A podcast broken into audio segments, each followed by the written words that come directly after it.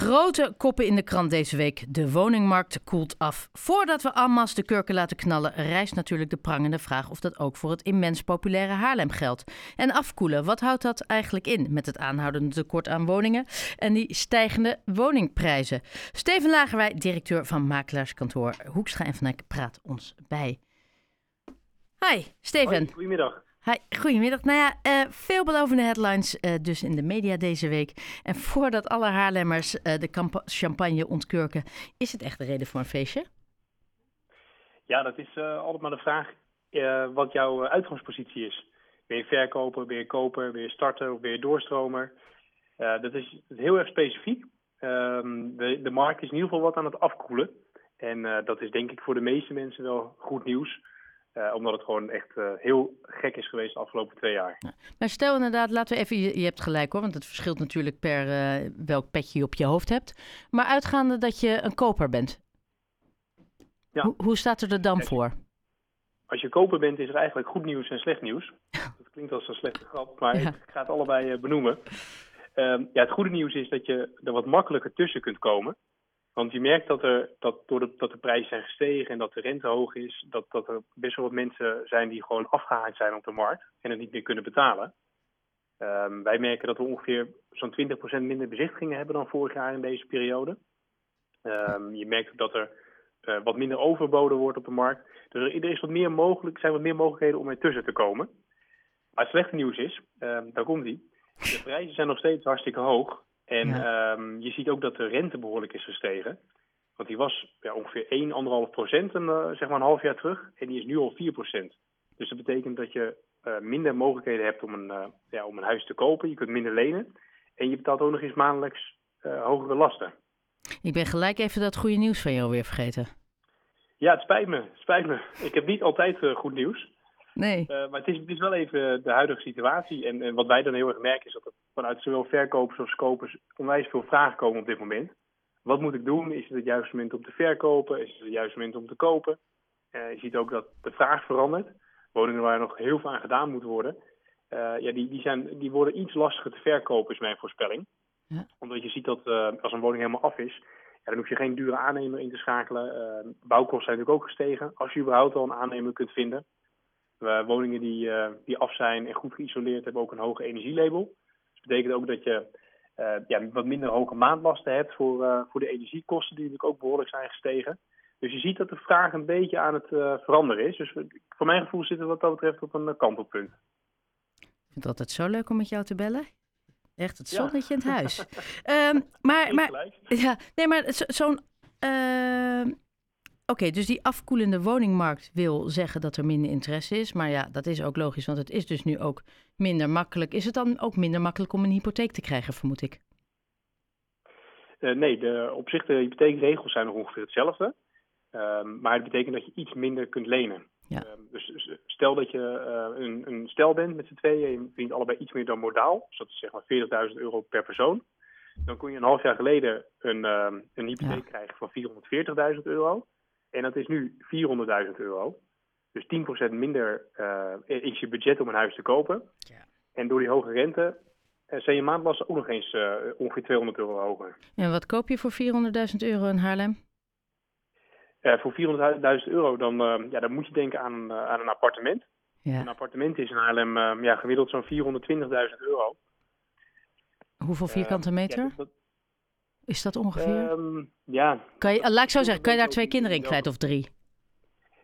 Uh, met een stapelbed uh, moet het wel lukken. Maar ja, dit, dit, je zal niet voor dat geld een appartement vinden met, uh, met vier slaapkamers. Ja, en, en nou, nou, nou stond er hè, in, in ehm, de tehuizenprijs in de eerste maanden van het jaar op kwartaalbasis daalde 2,1% volgens cijfers van de NVM.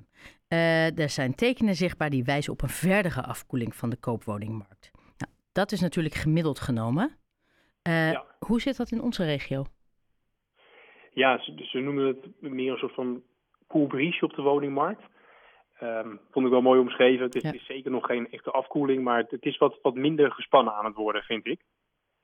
Um, ja, dat, dat, betekent gewoon dat het, uh, uh, dat het nog steeds heel lastig is om een woning uh, te zoeken en, en te kunnen kopen. En dat heeft ook met onze regio te maken, hè? want die blijft gewoon immens populair. Ja, die blijft populair. En uh, ja, je ziet het in Haarlem, als je kijkt naar de prijzen ten opzichte van een jaar terug, dan zijn die met ongeveer 16% gestegen. Um, en ja, vergelijk je de prijzen van het, het eerste kwartaal van dit jaar vergeleken met het laatste kwartaal vorig jaar, dan zijn de prijzen ongeveer gelijk gebleven. Okay. Dus ik, ik, verwacht ook dat als je over een wat langere periode gaat kijken, dat uh, de prijzen wat zullen gaan stabiliseren. En, en, en die uh, hypotheekrente, die stijgende hypotheekrente. Um, en uh, gecombineerd met de Oekraïne-crisis en de, nou ja, eigenlijk alle vaste lasten die zijn gestegen. Ja. Is dat ook een, een reden waarschijnlijk dat mensen ook minder durven te kopen en misschien toch kiezen om langer te huren of te gaan huren? Ja, het zijn eigenlijk allemaal invloeden uh, vanuit de hele wereld die, die invloed hebben natuurlijk op de, op de woningmarkt in Nederland en in Haarlem. Uh, die oorlog heeft natuurlijk weer invloed op, op de, de marktrente en dat heeft invloed op de hypotheekrente. Oorlog heeft ook invloed op de hoge energielasten, dus ook ja. vooral de vraag naar meer energiezuinige woningen. Er is natuurlijk een mega hoge inflatie. Ja. Dus er is best wel veel aan de hand. En uh, ja, wat je met name veel ziet, is dat mensen die bijvoorbeeld over drie kwart jaar een, uh, die hebben een nieuwe woning gekocht en over drie kwart jaar kunnen ze erin. Nou, tot, tot zeg maar een paar maanden terug hadden die mensen gewoon nog lekker gewacht, zodat ze hun huis konden verkopen en in één keer van hun bestaande huis naar een nieuwbouwwoning kunnen gaan. En die mensen die schuiven heel veel uh, daarvan die schuiven dan de verkoop van hun bestaande huis naar voren. Ja. Zodat ze nu in ieder geval nog zeker weten dat ze het kunnen verkopen voor ongeveer de prijs die ze in gedachten hebben. Dus dat, dat is Ja. ja, eigenlijk het vertrouwen wat er is op de woningmarkt, is, uh, ja, dat, dat is een beetje aan het veranderen. En uh, het enige wat ik wel vond, hè, aan, uh, in het, uh, een Haarlems hypotheker schrijft in het Haarlems Dagblad... het aantal bezichtigingen is minder geworden. Nou, precies zoals jij net ook al zei. Uh, sommige wonen lopen iets minder. Exact, wat jij ook al zei. Maar over het algemeen genomen is alles nog wel binnen een week verkocht. Um, nou, binnen ja. een week verkocht, dat klinkt nog steeds als zeer populair. En dan zie ik ja, de populair. koele markt niet. Nee, nee, het is populair en, en je zou eigenlijk beter uh, overspannen kunnen, kunnen zeggen. Ja. Um, het aantal bezichtigingen, ja, 21% uh, minder wat wij ervaren. Dat is natuurlijk dat is minder ten opzichte van vorig jaar. Maar we hebben ook de afgelopen jaren periodes gehad waarin we een jaar daarna wel misschien 40% meer bezichtigingen hadden. Ja, maar uiteindelijk die bezichtigingen, als jij je huis nog steeds binnen een week verkoopt, vind ik het niet een briesje. Nee, klopt. Klopt. En uh, een uh, paar maanden terug werd uh, bij 88% van de woningen die werden verkocht, werd er overboden boven de vraagprijs. Ja. 88%. En dat is nu 71%.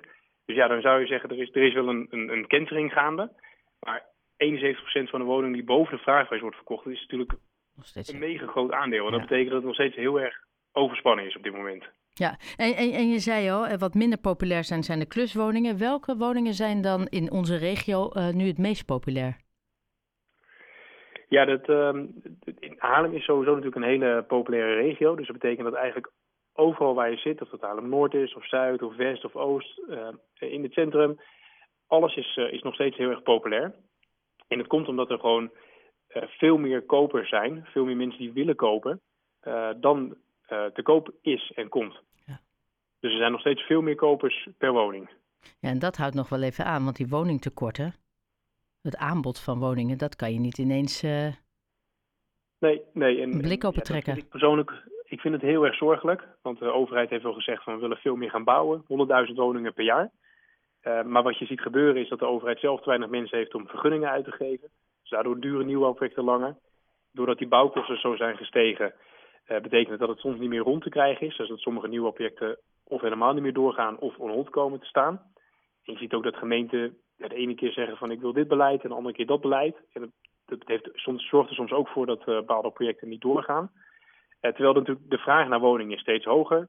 Morgen was er op het nieuws dat er ruim 7000 woningen moeten komen voor statushouders. Ja, dat, dat gaat ook van die 100.000 af waar natuurlijk al vraag naar is. Dus het is, uh, het is nog steeds heel erg zorgelijk en er moet veel meer gebouwd gaan worden. Ja, nou ja, nou heeft de coalitie in hun coalitieakkoord aangegeven dat ze willen gaan bouwen, waaronder in de Waardepolder. Is dat iets wat jij ja. uh, uh, positieve ontwikkeling vindt? Ja, absoluut. Volgens mij wonen er al een paar duizend mensen in de Waardepolder. Ja. Uh, dat zal uh, bekend zijn of onbekend, in ieder geval een stuk gedoogd.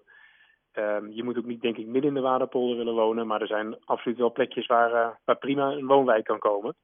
Um, en ik denk dat er ook absoluut vraag naar is. Mensen willen graag in Haarlem wonen. En ja, dat, dat, daar kunnen absoluut prima wijken gerealiseerd worden. Ja, en, en dan ons terugkerend ritueel. Elke keer als ik je bel, vraag ik wat ik nu betaal voor een eensgezinswoning in Haarlem vergeleken met vorig jaar. Ehm, maar vooral voor een beetje betaalbare koopwoning, waar moet ik dan heen? Ja, ja. Begin maar. Ja, zit je weer? Ja, oh, ik, ik ja. Ja. Hm. Ja, kom maar door, ik zit. Ja, voor, ik heb eens gekeken naar hoe, ongeveer een jaar geleden toen we elkaar spraken, hoe was het toen? Wat kost een tussenwoning in Haarlem? Ja. Um, dat was ongeveer 540.000 euro, gemiddeld gezien. Ja. En uh, op dit moment kost die al bijna 630.000 euro. Ja? Ja. Dan, sorry, ja. E, even. Tussenwoning in Haarlem. 630.000 euro. Hoeveel slaapkamers krijgen we dan? Dan heb je meestal drie slaapkamers op de eerste verdieping en een zolder waar dan één of twee slaapkamers zijn. Oké, 630.000 euro. Nou. Ja. Vertel. Ja, dat is, uh, dat is pittig. Ja. Uh, en wat ik je net ook vertelde, als je dus met z'n tweeën een, een ja, iets boven modaal inkomen hebt, dan kun je dus ongeveer 400.000 euro uh, lenen. En dat betekent dat de, de Maar dat gat daartussen is toch niet normaal? 230.000 zit je dan tussen? Ja. Ja, en daar gaat het ook heel veel over in de media en de politiek de laatste tijd. Wat, wat een goede discussie is, vind ik. Het gaat natuurlijk over van ja, waar gaat de leraar wonen? Waar gaat de politieagenten wonen? Exact. Ja, die, die, die kunnen niet in zo'n woningen wonen in Haarlem. Dus dan moet je gaan uitwijken. Nou, wat, waar moet je dan natuurlijk naar uitwijken? Uh, Beverwijk heb ik eerder genoemd. Ja. In Beverwijk uh, ja, scheelt het zo twee ton. Dus dan kun je voor iets meer dan 400.000 euro een, een eengezinswoning kopen. Ja. Beverwijk. En, uh, en, ja. en, en ja, ja, nee, dat is. Ja. Ja, en ja, is, is dat buiten budget, dan moet je eigenlijk nog wat, wat noordelijker in de provincie. Dan ga je naar wat meer landelijke gebieden en dan kun je onder de 400.000 euro nog, nog één gezinswoning kopen. Ja, maar ja, dan kom je dan richting uh, de Noordkop zeker, denk ik, in Noord-Holland. Ja, ja, bijvoorbeeld in Opdam, ik noem maar wat. ja. Ja, leuk, leuk dorp, Opdam. Uh, ja, maar wat, ja. neem maar even, wat betaal ik in Opdam? Want dat Opdam ligt bij, oh moet ik dit goed zeggen, bij Hoorn, hè, daar ergens. Uh, ja, een beetje tussen Hoorn en Heelgewaard ligt het. En daar betaal je 370.000 euro voor een eensgezinswoning. Wat een verschil, hè? Ja. Ja. ja. En ja, als de prijzen zo nog iets zouden doorstijgen, wat ik niet verwacht dat het gaat stabiliseren, maar ja, dan is het dus ongeveer de helft van Haarlem. Ja, Jeetje. Nou.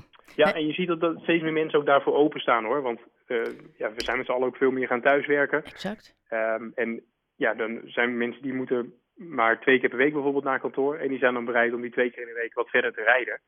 Maar dat ze dan wel een, een meer betaalbare woning hebben of meer woning voor hun geld krijgen dan in Haarlem. Maar ik kan ze ook geen ongelijk geven. Als jij 640.000 euro uit moet geven voor een tussenwoning.